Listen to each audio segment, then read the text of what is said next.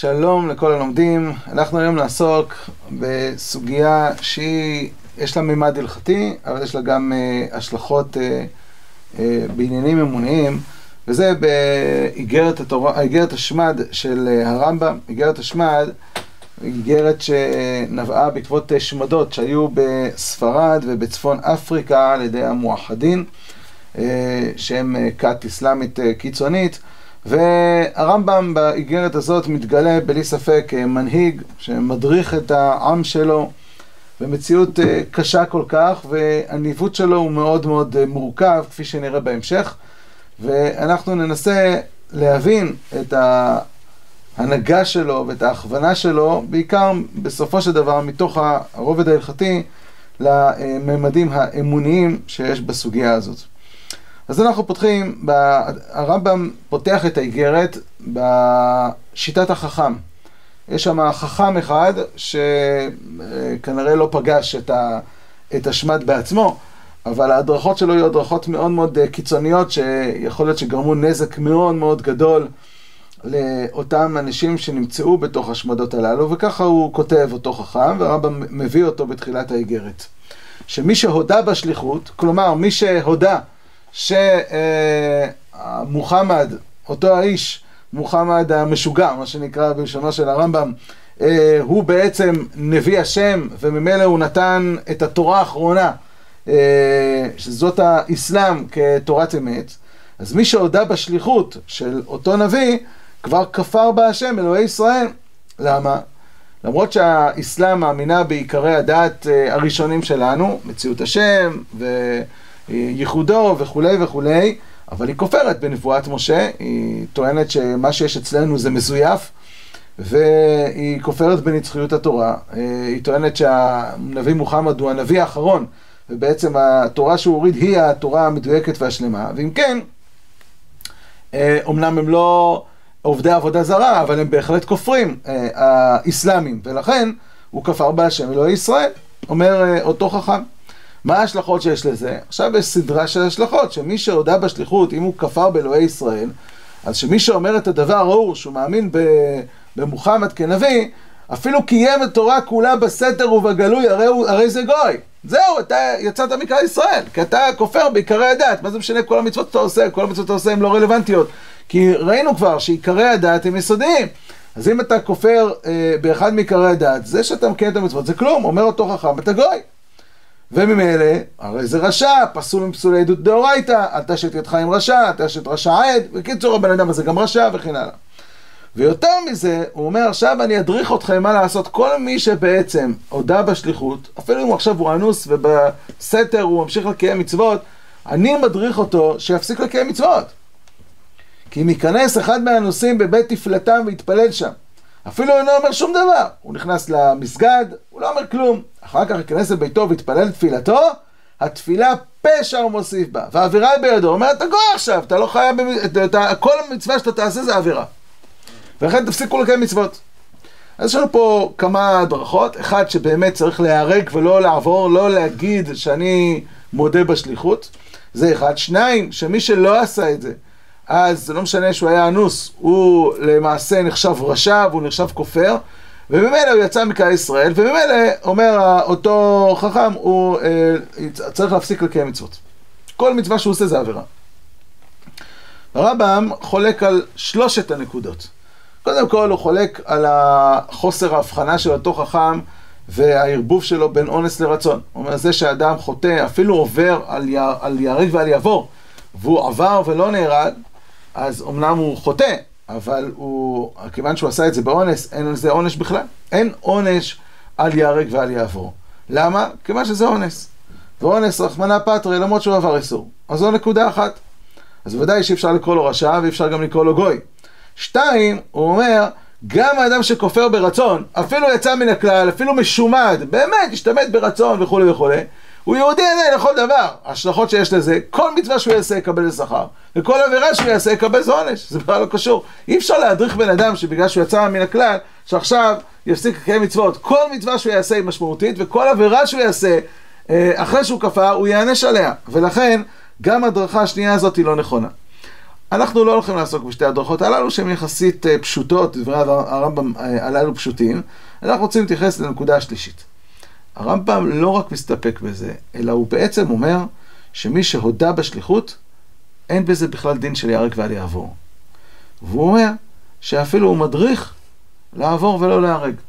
תגיד שאתה מודה בשליחות של אותו האיש, תמיד, תגיד שאתה בעצם מאמין שמוחמד הוא הנביא האחרון, ואחר כך תברח לך אה, ברגע שתוכל כדי לקיים את דתך. כך כותב אה, הרמב"ם במקור, בתוך האיגרת השמד. בואו נקרא את הדברים.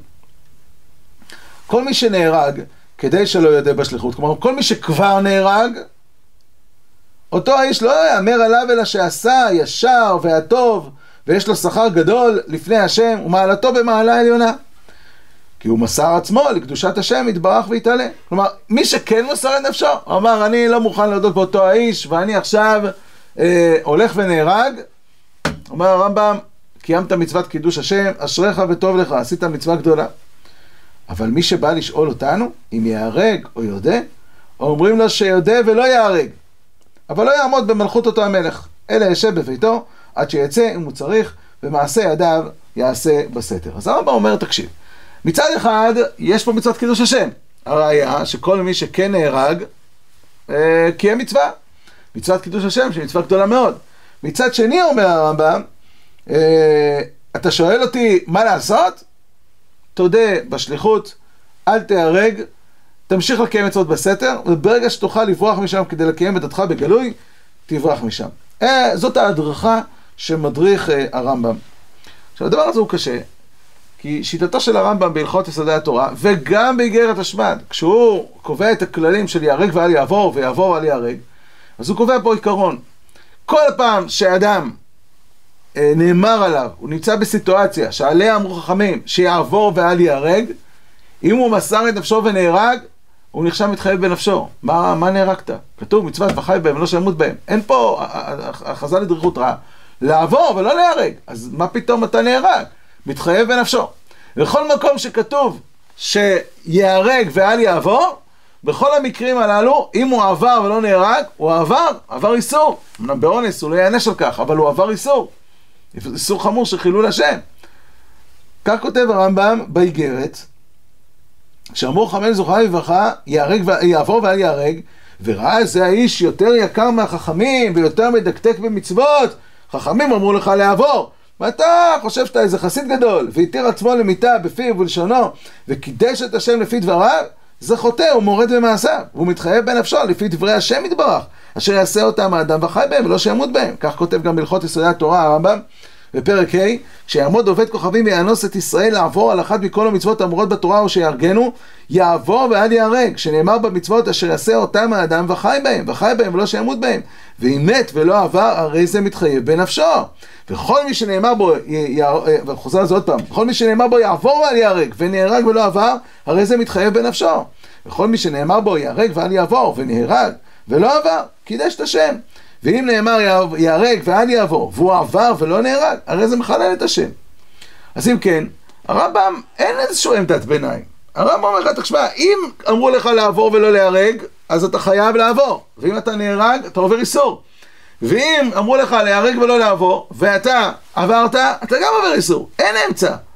זה מה שכותב הרמב"ם בדיני הרגע ואל יעבור. גם בהלכות קידוש, גם בהלכות קידוש השם בהלכות יסודי התורה, וגם באיגרת.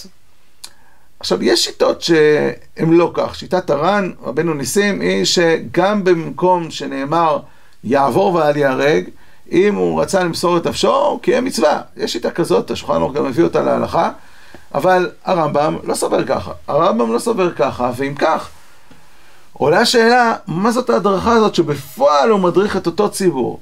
אבל תקשיב, מצד אחד, אם נהרגת, קידשת את השם. אם, אם קידשתי את השם, אז חייבים. ואם חייבים, אז איך אתה אומר לי שאם אתה שואל אותי, תעבור ואל תיהרג? יש פה משהו לא ברור. במיוחד, שהרמב"ם בספר המצוות מגדיר מה זאת מצוות קידוש השם. והרמב"ם אומר שמצוות קידוש השם היא תלויה במה חושב אותו גוי בשעה שאתה עושה את המעשה. וכך כותב הרמב"ם, מצוות עשה התשיעית שציוונו לקדש את השם, והוא אומרו ונקדשתי בתוך בני ישראל. ועניין זאת המצווה, אשר אנחנו מצווים לפרסם האמונה הזאת האמיתית בעולם. המצווה, לא רק, אנחנו לא רק מצווים לקיים מצוות, אנחנו מצווים לפרסם את האמונה הזאת בעולם. הרי זה היה מעלתו של אברהם אבינו, שקידש את השם בעולם וקרא בשם השם, ובסופו של דבר רצה להקים אומה שתקדש את השם, כמו שאומר הרמב"ם בתחילת הלכות עבודה זרה. אז תפקידנו, אומת ישראל, לקדש את השם בעולם. ושלא נפחד בהיזק שום מזיק, אף על פי שבא עלינו מכריח גובר ויבקש ממנו לכפור בו התעלה, לא נשמע ממנו, אבל נמסור עצמנו למיתה. ולא נטעה ולחשוב שכפרנו אף על פי שבליבנו מאמין בו התעלה. זה שאתה בא ואתה נותן לו לחשוב שאתה עכשיו הפכת להיות מוסלמי, אתה לא מקדש את השם, אתה מחלל את השם. כי אתה מראה שאתה מעדיף את החיים שלך על פני הדת שלך. אתה צריך להראות לו שאתה מוכן למסור את נפשך לדתך, הרי זה בדיוק המצווה. אז כשהרמב"ם אומר שאם אתה נהרג ולא אומר שאתה מודה באותה שליחות, זה מובן, כי יש פה מצוות קידוש השם. הרמב"ם כותב באיגרת שמצוות קידוש השם היא מצווה מאוד מאוד עוצמתית. הרמב"ם כותב, דע כי בכל מקום שאמרו חכמינו זוכרנו לברכה, ייהרג ואל יעבור, אם ייהרג כבר קידש את השם. ואם היה בעשרה מישראל כבר קידש את השם ברבים, כמו חנניה, מישאל ועזריה ודניאל ועשרת תלמוגי המלכות ושבעת בני חנה ושאר ישראל הנהרגים על קדושת השם, הרחמן ינקום נקמת דמיהם בקרוב. ובאדם נאמר, אספו לי חסידיי כרותי בריתי עלי זבח. ואמרו לכם לזרוע לברכה, השבעתי אתכם בנות ירושלים, השבעתי בדורות של שמד וכולי. והוא אומר בהמשך, והאיש שיזכהו האל לעלות במעלה העליונה הזאת, כלומר שנהרג על קידושת השם, אפילו היו עוונותיו כמו ירובעם בן נבד וחבריו, הוא מהעולם הבא. ואפילו לא היה תלמיד חכם, זוכה למעלה גדולה בעולם הבא. כמו שאמרו עליהם השלום, מקום שהרוגי מלכות עומדים, אין כל בריאה יכולה לעמוד במחיצתם. אז הרמב"ם רואה את מצוות קידוש השם, לא, הוא מביא את מדרשי חז"ל, כמצווה ענקית, המצווה הכי גדולה מכל המצוות. כל המצוות בטלות מצוות וחי בהם, מצוות וחי בהם בטלה מצוות קידוש השם. ומתי יש מצוות קידוש השם? כאשר הגוי רוצה לבדוק האם אתה עומד בדתך, ואתה מוסר את נפשך ועומד בדתך. פה יש מצוות קידוש השם, והרמב"ם אומר באיגרת השמד, הנה חינמי, באמת, בסיפור הזה של המוסלמים שמנסים לבוא ולכפות עלינו את, דת, את דתיהם, יש מצוות קידוש השם, ואם אדם נהרג, קידש את השם, ואף על פי כן הוא אומר. אתה שואל אותי? אל תעשה את זה. תעבור ואל תהרג. איך יכול להיות? איך יכול להיות? ואם יש אפשרות לעבור, אז מה פתאום שזה שנהרג, נהרג? הרי הוא מתחייב בנפשו כמו שאמר הרמב"ם. אם יש מקום ששם כתוב לעבור ולא להיהרג, אז, אז אין קידוש, אין, אין, אין, אה, אז אסור להיהרג. אז יש פה משהו שהוא לא כל כך ברור. בה. אז יש שתי נקודות באיגרת שצריך לשים עליהן לב. נקודה אחת שהרמב"ם כותב, האמת שיש כמה כיוונים, אה, ראש הישיבה, הרב רבינוביץ', אה, ביד פשוטה, העלה הצעה שאולי לדעת הרמב"ם, באמת הנה חינמי, אסור להיהרג, לדעת הרמב"ם. אלא אם הוא נהרג, הוא עבר עבירה לשמה, ויש פה איזשהו מעלה, בכל זאת קידש את השם. הדבר הזה הוא קשה, כי הרמב"ם אומר שכל מי שמסר את נפשו עושה מצווה. אז, אז אה, במקרה הזה של, ה, של המואחדין ושל האסלאם, אז קשה להגיד שיש פה עבירה לשמה, כך גם הרב אה, שילה את העיר באגרות הרמב"ם אה, אה, את ההערה הזאת. יש כאלה שרצו לומר שהרמב"ם סובר שנכון, בעיקרון שאר העם אסור להם לקדש את השם. אבל אדם שעושה את זה לשם שמיים, הוא צדיק וחסיד ופרוש, אז לאדם הפרטי הזה יש פה מצווה, כי הוא, הוא, הוא יחיד סגולה.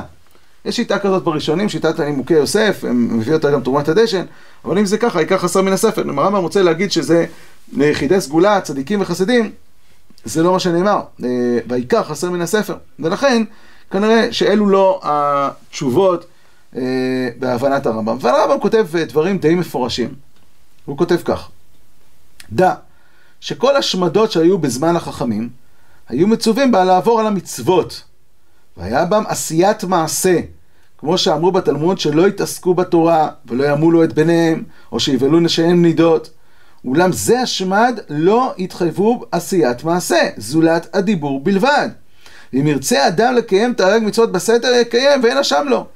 אלא אם יקרה עצמו בלא אונס שיחלל שבת, והוא אינו אנוס בכך אנוס. כי זה האונס אינו מחייב לשום אדם מעשה, אלא דיבור בלבד. אומר הרמב"ם, תראה דבר מעניין. חז"ל נתנו לנו שני מצבים בעולם ההלכה בתחום הזה. או יעבור ואל ייהרג, או ייהרג ואל יעבור. ואתה עכשיו שואל אותי, איך אני מצד אחד אומר יעבור ואל ייהרג, ומצד שני יש קידוש השם. אומר רבם, אני אסביר לך. כי חז"ל דיברו על מצבים שהגוי מחייב אותך לעבור עבירה כדי לשמד אותך. ואז על זה אמרו חז"ל, ייהרג ואל יעבור. ואל יעבור, כי יש פה מעשה של מצווה. אומר הרמב"ם, אנחנו נמצאים בשמד שחז"ל דיברו עליו. לא דיברו עליו. מה השמד הזה? לא אומרים לך עכשיו לחיי שבת. לא אומרים לך לאכול חזיר. לא אומרים לך לעבור איסור, או לבטל מצוות עשה. אומרים לך דבר אחד, תגיד אמירה שהיא אמירה של כפירה. תגיד שאתה מאמין בנביא מוחמד, זה מה שאנחנו מבקשים ממך. אומר הרמב"ם, כיוון שאין פה מעשה, יש פה רק דיבור, אז מצד אחד, אם אתה שואל אותי, יש פה מצוות קידוש השם? בוודאי שיש פה מצוות קידוש השם. הראיה שכשאדם מוסר את נפשו, זה עושה רעש גדול, מקדש את השם, המוסלמי רואה שהיהודי מוסר את נפשו על דתו. אבל מצד שני, אין על זה דין של ייהרג ואל יעבור, כי הוא לא עובר פה שום דבר, אומר הרמב"ם. אז זה מצב ביניים, חדש. שאלו את הרמב"ם, אז רגע, איפה זה נמצא בחז"ל? חז"ל לא דיברו על זה, כי זה לא היה, אומר הרמב"ם. אבל בעצם, יש לנו פה מצב חדש, של מצד אחד יש קידוש השם, ומצד שני, כיוון שאין מעשה, אז אנחנו לא מחייבים את הבן אדם לעבור, אלא אנחנו מאפשרים לו להיות במקום הזה שהוא יכול אה, לעבור ולא להיהרג. אז יש מצווה, ומצד שני, אם אדם נהרג, ומצד שני אין איסור אם אדם עושה את המעשה, או יותר נכון אומר את הדיבור. החילוק הזה שהרמב"ם יוצר, אנחנו צריכים להבין מאיפה המקור שלו, עוד בהמשך ננסה לראות מה המקור, אבל אה, זה החילוק שאומר הרמב"ם, ועדיין זה משאיר לנו שאלה. למה אתה מדריך בני אדם, כשיש להם אפשרות לעשות מצווה, ומצווה כל כך גדולה? למה אתה מדריך אותם לפסס את המצווה? בסדר, הם לא יענשו על זה. לא יענשו על זה, כי אין פה מעשה, אז הם לא יענשו על זה. אבל מצד שני, יש פה מצוות קידוש השם, מצווה גדולה, מצווה רבה. למה אתה אומר לבן אדם שהוא בא והוא שואל אותך מה לעשות, אתה לא אומר לו, לך תמסור את הנפש, קידוש השם, מצווה הכי גדולה, תהיה במקום הכי גבוה בעולם הבא. אלא אתה אומר לו, תגיד, תעבור, תקיים את, המצווה מדרב, את המצוות שלך בסתר עד שתברח. למה אתה מדריך אותו הדרכה לבטל מצוות עשה? הוא לא עובר איסור, אבל הוא מבטל מצווה. אז הרמב"ם מוסיף עוד משפט אחד שם באיגרת.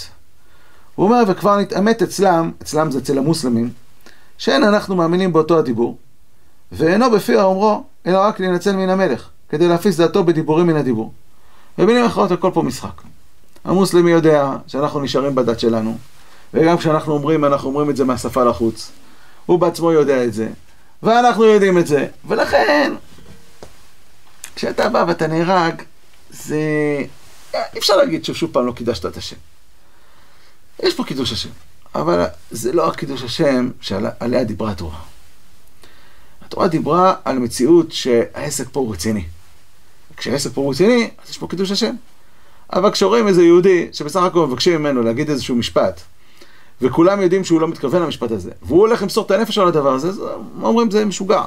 זה לא אחד שמוסר את נפשו על דתו, זה אחד שקצת, אה, אם, אם זה, על זה הוא מוסר את נפשו, נו, אז אין פה קידוש השם ברמה העוצמתית שעליה דיברה התורה, ולכן מצד אחד עשית את זה, קידשת את השם, עשית מצווה. אי אפשר להגיד שלא.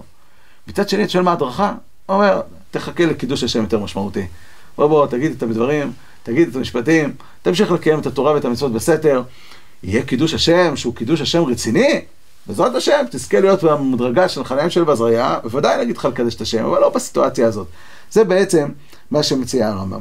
אז אם כן, אנחנו מסכם את הרמב"ם, כי תכף נראה לכאורה שיש חולקים והמחלוקת אה, אה, היא גדולה. אז מה יצא לנו, אה, מה שהדריך הרמב"ם? הרמב"ם הדריך, יש מצבים של יהרג ואל יעבור, שזה עבודה זרה, גבירות, שפיכות דמים, או במצב שיש אה, קידוש השם באמצעות של שמד וכדומה. יש מצב של יעבור ואל ייהרג, שזה אין, כשאין את כל הסיטואציות הללו, כשהגר עושה להנאתו ולא בפרהסיה וכן הלאה, שאז בעצם יעבור ואל ייהרג, ומי שנהרג הוא ב, אה, מתחייב בנפשו. ויש מצב ביניים חדש, כשמבקשים ממך רק להגיד משהו של כפירה בדיבור, שעל זה אומר הרמב"ם, תעבור. אם קידשת את השם, קיימת מצווה, אבל העיקר הוא לעבור ולא להרג. והראש, לכאורה, חולק על הרמב"ם, והראש הוא חשוב, כי כפי שנראה תכף, השולחן ערוך אה, פוסק אותו להלכה. הראש כותב בעבודה זרה ב' ד', ירושלמי, מביא ירושלמי. יכולה האישה להטמין עצמה ולומר עובדת כוכבים אני. והאיש אינו יכול להטמין עצמו. למה הוא לא יכול להטמין עצמו? כי יבדקו ויראו שעשה ברית מילה, אז הוא לא יכול להגיד שהוא גוי. אבל אישה יכולה להגיד, אני גויה, אני לא יהודייה. אומר אז אה, הראש, אל תבין את הירושלמי הזה לא נכון. אין כוונת הירושלמי שבאמת היא אומרת בפה אני נוצרייה וכולי. מה פתאום? אין לדקדק מכאן שיהיה מותר לישראל לומר שעובד כוכבים הוא כדי שלא יהרגו. דוודאי כופר בעיקר הוא. וכיוון שרוצים להורגו, אם לא יהפוך לדתם ויהיה עובד כוכבים כמותם. ודאי כשאומר עובד כוכבים, שהוא עובד כוכבים, הוא הודה לדתם וקיבל עליו אלוה שלהם. אסור לעשות את זה, זה עבודה זרה. כשאתה בא ואתה אומר, אני מודה באלוהות של דת אחרת, אתה עובד עבודה זרה.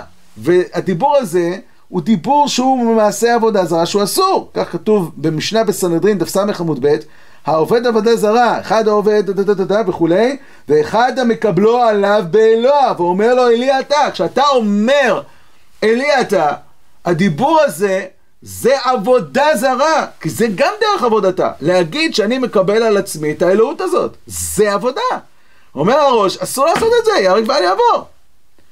אז מה כתוב בירושלמי? הירושלמי מתכוון שרק כאשר אה, האישה מטמינה את עצמה ונותנת תחושה שהיא גויה, היא מתחפשת לגויה, אבל היא לא שהיא אומרת, אני מאמינה בדת, ש, ש, ש, של, בדת הזאת.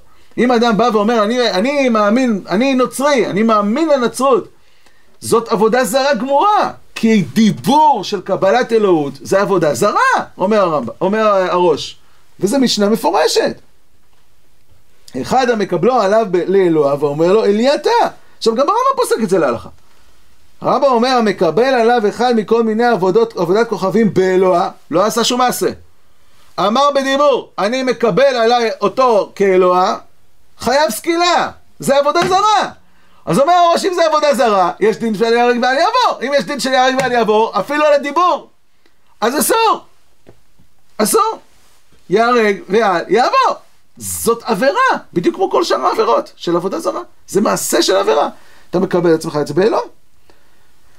עכשיו, הרמב"ם פוסק את זה להלכה. שאדם מקבל על עצמו את העבודה זרה באלוה, הוא חייב סקילה. אלא מה? צריך להעיר הערה. אה, בהלכות אה, שגגות, כותב הרמב"ם כל זה כשזה במזיד. כשאדם עושה את זה במזיד, מקבל עבודה זרה באלוה במזיד, למרות שהוא לא עשה מעשה, הוא רק אמר דיבור, הוא חייב כרת, ואם זה היה בעדים, הוא גם נסכל. אבל אם זה היה בשגגה, פטור מן הקורבן, זאת אומרת, זה יותר נמוך משגגת מעשה. אדם ששגג בעבודה זרה, מביא קורבן חטאת. אומר הרמב"ם, אדם שבטעות הוא שגג ואמר דיבור של קבלת אלוהות, הוא פטור גם מן הקורבן. למה? לפי שלא עשה מעשה שנאמר בעשותה אחת. והמקור של זה זה רבי עקיבא, גמרא בסנדין תס"ג, חכמים אינם חולקים, אבל שיטת רבי עקיבא היא שכשאדם, כשלא מדובר על מעשה של עבודה זרה, מדובר על דיבור של עבודה זרה, אז כשזה במזיד, חייב. כשזה שוגג, כל שכן שזה אונס, פטור, פטור אפילו מקורבן. אז הנה לנו המקור של הרמב"ם. הרמב"ם אומר לך, כשאנחנו מדברים על דיבור, לא על מעשה, כשמדובר במעשה, אז uh, במזיד חייב סקילה, בשוגג מביא קורבן. בוודאי שיש פה איסור. אבל כשמדובר על דיבור, אז יש פה את החלוקה, בעשותה אחת מכל, מכל מצוות השם, שחסל דורשים את זה על עבודה זרה, רק על עשייה. אבל כשאתה עושה את זה לא בעשייה, אלא אתה, מדובר על דיבור, דיבור במזיד זה עדיין עבודה, עבודה זרה, חייב, חייב סקילה. אבל כשמדובר בשוגג, כל שכן באונס, פטור אפילו מקורבן. אז מה סובר הראש? שאומר שאסור להגיד, אני מקבל, אני, אני נוצרי כדי להציל את עצמי. הוא, הוא בוודאי לא, הוא עושה את זה באונס. הראש אומר אסור.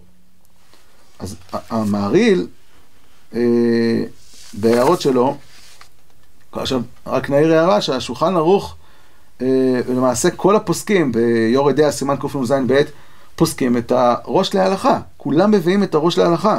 ואומר על זה המהריל, עיין בסוף איגרת השמד של הרמב"ם במין הרביעי, שהרמב"ם אומר, תעבור ואל תיהרג.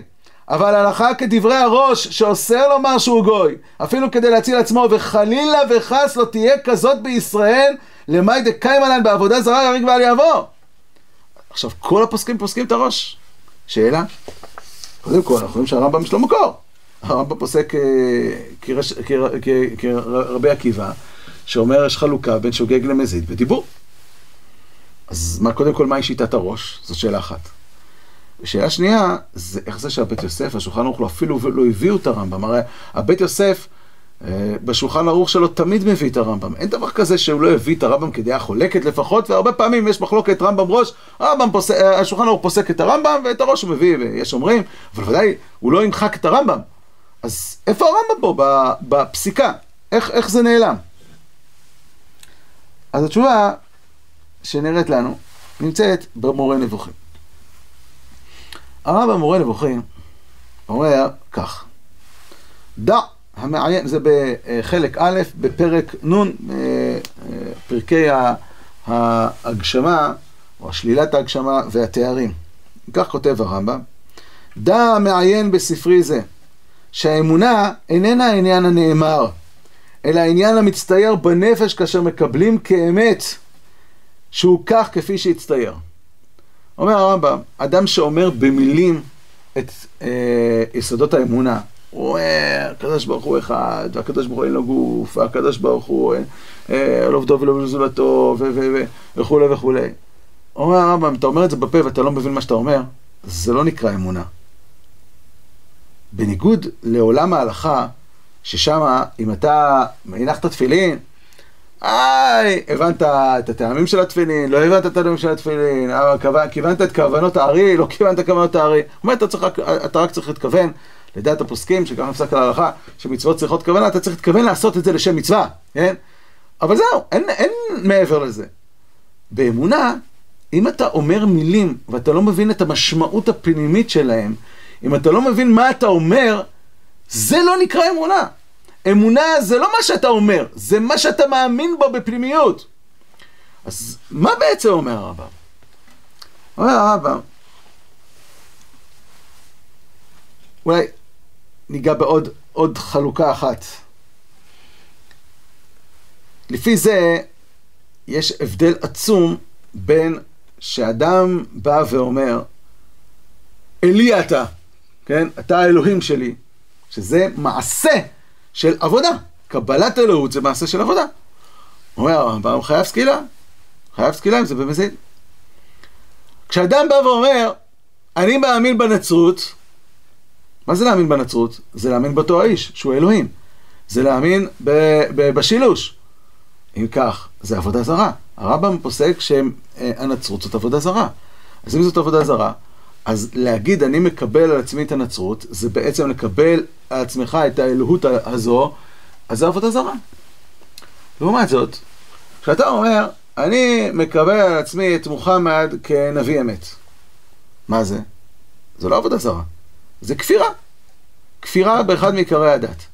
כפירה באחד מעיקרי הדת, אומר הרמב"ם, אם אתה אומר בפה, אתה לא מאמין בלב, זה כלום. כלומר, כל מה שכתוב במשנה, והרמב"ם פוסק את זה להלכה. מתי אנחנו אומרים שכשאדם אומר אמירה מסוימת, יש בה איסור? כשמדובר בעבודה זרה. כשמדובר שאדם כופר במציאות השם, או שאדם מאמין שהקדוש ברוך הוא אחד והוא שניים ולא אחד, או שהוא חושב שיש לו גוף או דמות הגוף, מגשים אותו. בכל המצבים הללו, כיוון שיש פה עבודה זרה, עבודה שהיא לא תואמת את האלוקות שלנו, אז עבודה זרה, עבודה זרה, אתה מקבל על עצמך את זה באלוהות, זה סוג של עבודה. אז ברור שאסור. על זה דיבר הראש. אבל הרמב"ם לא מדבר על מקרה כזה. הרמב"ם מדבר על האסלאם. הראש דיבר על הנצרות. הרמב"ם מדבר על האסלאם. באסלאם הם מאמינים בעיקרי אה, תורת האלוקים. בחמשת העיקרים שלנו. הם כופרים בתורת משה וכולי וכולי. אז הם לא עובדי עבודה זרה, הם כופרים. כשאתה בא ועכשיו אתה אומר מילים שהן מילים של כפירה בעיקרי הדת, אבל זה לא עבודה זרה. כפירה בעיקרי הדת, אז הכל תלוי במה אתה חושב, לא במה אתה אומר. אומר רבא וזה כלום. אם זה כלום, אז על מה אתה נהרג? על מה אתה נהרג? וזה לא שייך, הרגע ועל יבוא. זה בעצם היסוד של הרמב"ם אה, של איגרת השמד. לפי זה, אין מחלוקת בין הרמב"ם לראש, לא כמו שהבין המעריל. הרמב"ם מדבר באסלאם. הראש דיבר על הנצרות. אם זה בעבודה זרה. אז אם זה כך, אין בכלל מחלוקת. אה, ואם אין אה, בכך מחלוקת, אנחנו יכולים גם להבין את השולחן ערוך, שכשהוא פוסק את הראש, הוא לא מביא את הרמב"ם כחולק. נשאל למה הוא לא הביא את הרמב"ם בכלל, את הדעה שלו, את, ה, את הדין שלו בדיני, אה, ביחס למוסלמים. התקופה של השמד המוסלמי היה תקופה מסוימת, אבל בוודאי בתקופתו של הבית יוסף, ואפילו לפניו, כבר לא היה את ההשמדות הללו. זו הייתה תקופה מסוימת, אה, תקופת הרמב"ם, ולכן אה, הדבר הזה, זה לא היה שאלה למעשה. השאלה למעשה הייתה בעיקר בנצרות, שהמשיכה בעצם מסעות הצלב שלה, והמשיכו הלאה באינקוויזיציות. במשך מאות שנים ניסו אה, אה, לשמד את ישראל, ולכן השולחן ערוך הביא את שיטת הראש, שהרמב"ם בפשטות לא חולק עליה. מהדבר הזה יצא לנו יסוד מאוד מאוד משמעותי. יש חלוקה מהותית בין העיקרים הראשונים, ששם יש פגיעה באלוהות, ויש ממדים של עבודה זרה. ולכן גם דיבור יכול להיות עבודה, כי אתה מקבל על עצמך את האלוהות הזאת, ועצם קבלת האלוהות זה עבודה זרה. גם אדם שזורק אבן למרקוליס, אפילו אם הוא מתכוון ל- ל- לבזות אותה, אבל כיוון שזאת דרך עבודתה, או שהוא עושה מעשה לפאור, שהוא בא לבזות אותו, אבל זאת דרך עבודתה, הוא עובר עבודה של, אה, עבור, עבירה של עבודה זרה, כי זה עבודה זרה. לעומת זאת, כאשר אנחנו מדברים לא על מעשה של עבודה זרה, אפילו עוד דיבור שהוא דיבור של קבלת אלוהות של עבודה זרה, אלא זה דיבור של כפירה, דיבור של כפירה, הכל תלוי מה אתה חושב בלב. אין לזה שום משמעות לפה. אז אם יש קידוש השם, אז יש מצוות קידוש השם, אז תקדש את השם, כי אין תקיים מצווה. אם אין כל כך קידוש השם, כי כולנו מבינים שאני אומר רק בפה ולא מתכוון בלב, וגם המוסלמים מבין שאני רק אומר בפה ולא מתכוון בלב, אז אין פה כל כך קידוש השם, אז תעבור ואל תיהרג. זה בעצם עומק דבריו של הרמב"ם באיגרת השמד. והדברים הללו יש להם השלכה לא רק בשעת שמד, אלא גם בצד ההפוך. כי כשהרמב"ם אומר את הדברים במורה נבוכים, הוא לא מתכוון לשעת שמד. הוא מתכוון למצב ההפוך. אם אתה אומר את יסודות הדת של ישראל בפיך, אבל אתה לא מבין מה כתוב בפנים, מה אתה אומר בכלל, אתה לא אדם מאמין. אם אתה אדם שאומר בפה את 13 עיקרי הדת שכתבתי בפרק חלק, אומר הרמב"ם, ואתה אומר בפה שלך, הקדוש ברוך הוא אין לו גוף ולא דמות הגוף, אבל בדמיון שלך, כל הדמיון שלך הוא דמיון של הגשמה, אתה לא אדם מאמין, אתה אדם כופר. זה הצד ההפוך שיש מהסוגיה הזאת של איגרת השמד. אומר הרמב"ם שם, אם אתה מאלה המסתפקים בכך שהם מוסרים בדבריהם את הדעות הנכונות, או הנחשבות בעיניך לנכונות, מבלי שתצייר לך אותם ותאמין בהם, לא כל שכן שתבקש לגביהן ודאות, הרי זה קל מאוד, כפי שאתה מוצא רבים מן הטיפשים היודעים בעל פה עיקרי האמונה, אשר הם מציירים להם משמעות כלל. כותב הרב סעדיה גאון בהקדמתו לאמונות ודעות, ראוי שנברר מהי הדעה, ונאמר, הוא העניין המצטייר בנפש לכל דבר מסוים כפי המצב שהוא נמצא בו. וכאשר תצא תמצית עיון, יכללנה השכל ויקיפנה ותושג בנפש ויתמזג בה. ונעשה האדם ההוא בעל דעה אותו דבר שהושג לו. זה לא להגיד מילים, זה להבין את המשמעות, זה להפנים את המשמעות. כותב הראב"ן במאמר השכל,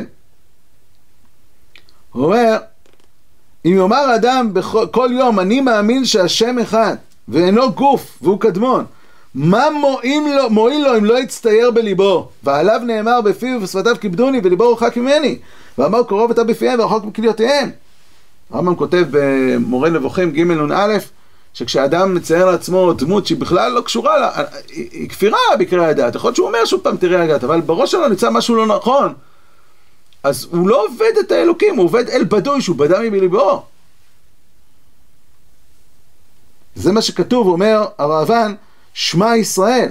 כי עניין שמע בכאן הוא התאמת הדבר במחשבת הלב יצרו בשכל, שאתה תתאים את מה שאתה אומר בפה למה שאתה מבין. יש פה עבודה, עבודת לימוד. אומר הרב קוק, בשמונה קבצים א' שע"ט, כשמדברים על דבר אלוהים בלא דעה והעמקה, מתייצבת הנשמה נגד חזיון של שממה, שמטמטם את הלב ומחשיך את אורח חיים. השאלה הגדולה היא, למה דווקא באמונה הדבר הזה הוא כל כך קריטי? אז זה כותב הרב קוק במוסר אביך, ממש באלף אלף. הוא אומר, תראה, בכל המושגים המוחשיים, אז כשאנחנו רוצים לדבר ביחד ו- ולדעת שאנחנו מבינים אחד את השני, וכשאני אומר מושג, אז אתה מבין על מה אני מדבר, זה מאוד מאוד קל. אני מראה לך ספר, אני אומר לך, זה קוראים לזה ספר, מאותו רגע, כל פעם שאני אגיד לך ספר, יצטייר אצלי ואצלך בראש אותו דבר. אבל במושגים הרוחניים, הרי אין אפשרות לבוא ולהגיד לך, זה הדבר. אין.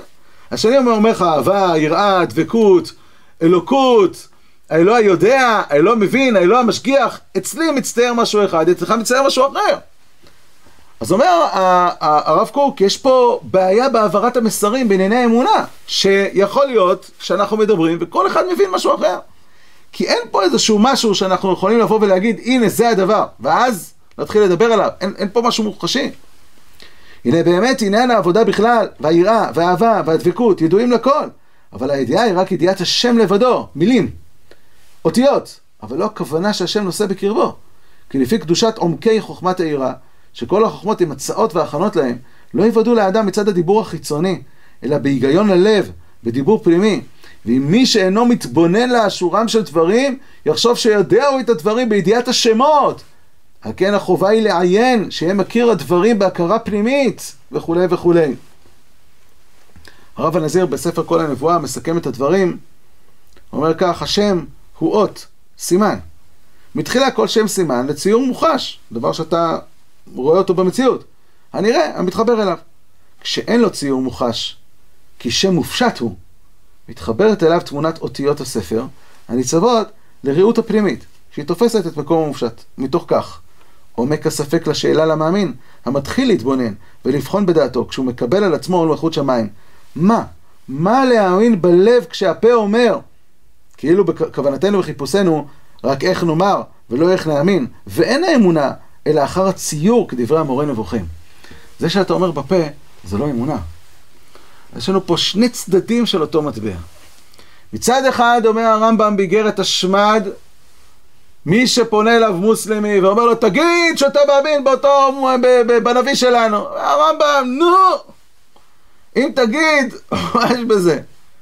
אין פה לא עבודה זרה, כי זה לא, אין, אין באסלאם עבודה זרה, שאז באמת יש פה בעיה. אז מה יש פה? דיבור של כפירה? דיבור של כפולה זה כלום. כי השאלה מה אתה מאמין בלב. ולכן, על זה לא, דיברה, לא דיברו חז"ל ייהרג ואל יעבור, אז תעבור ואל תהרג.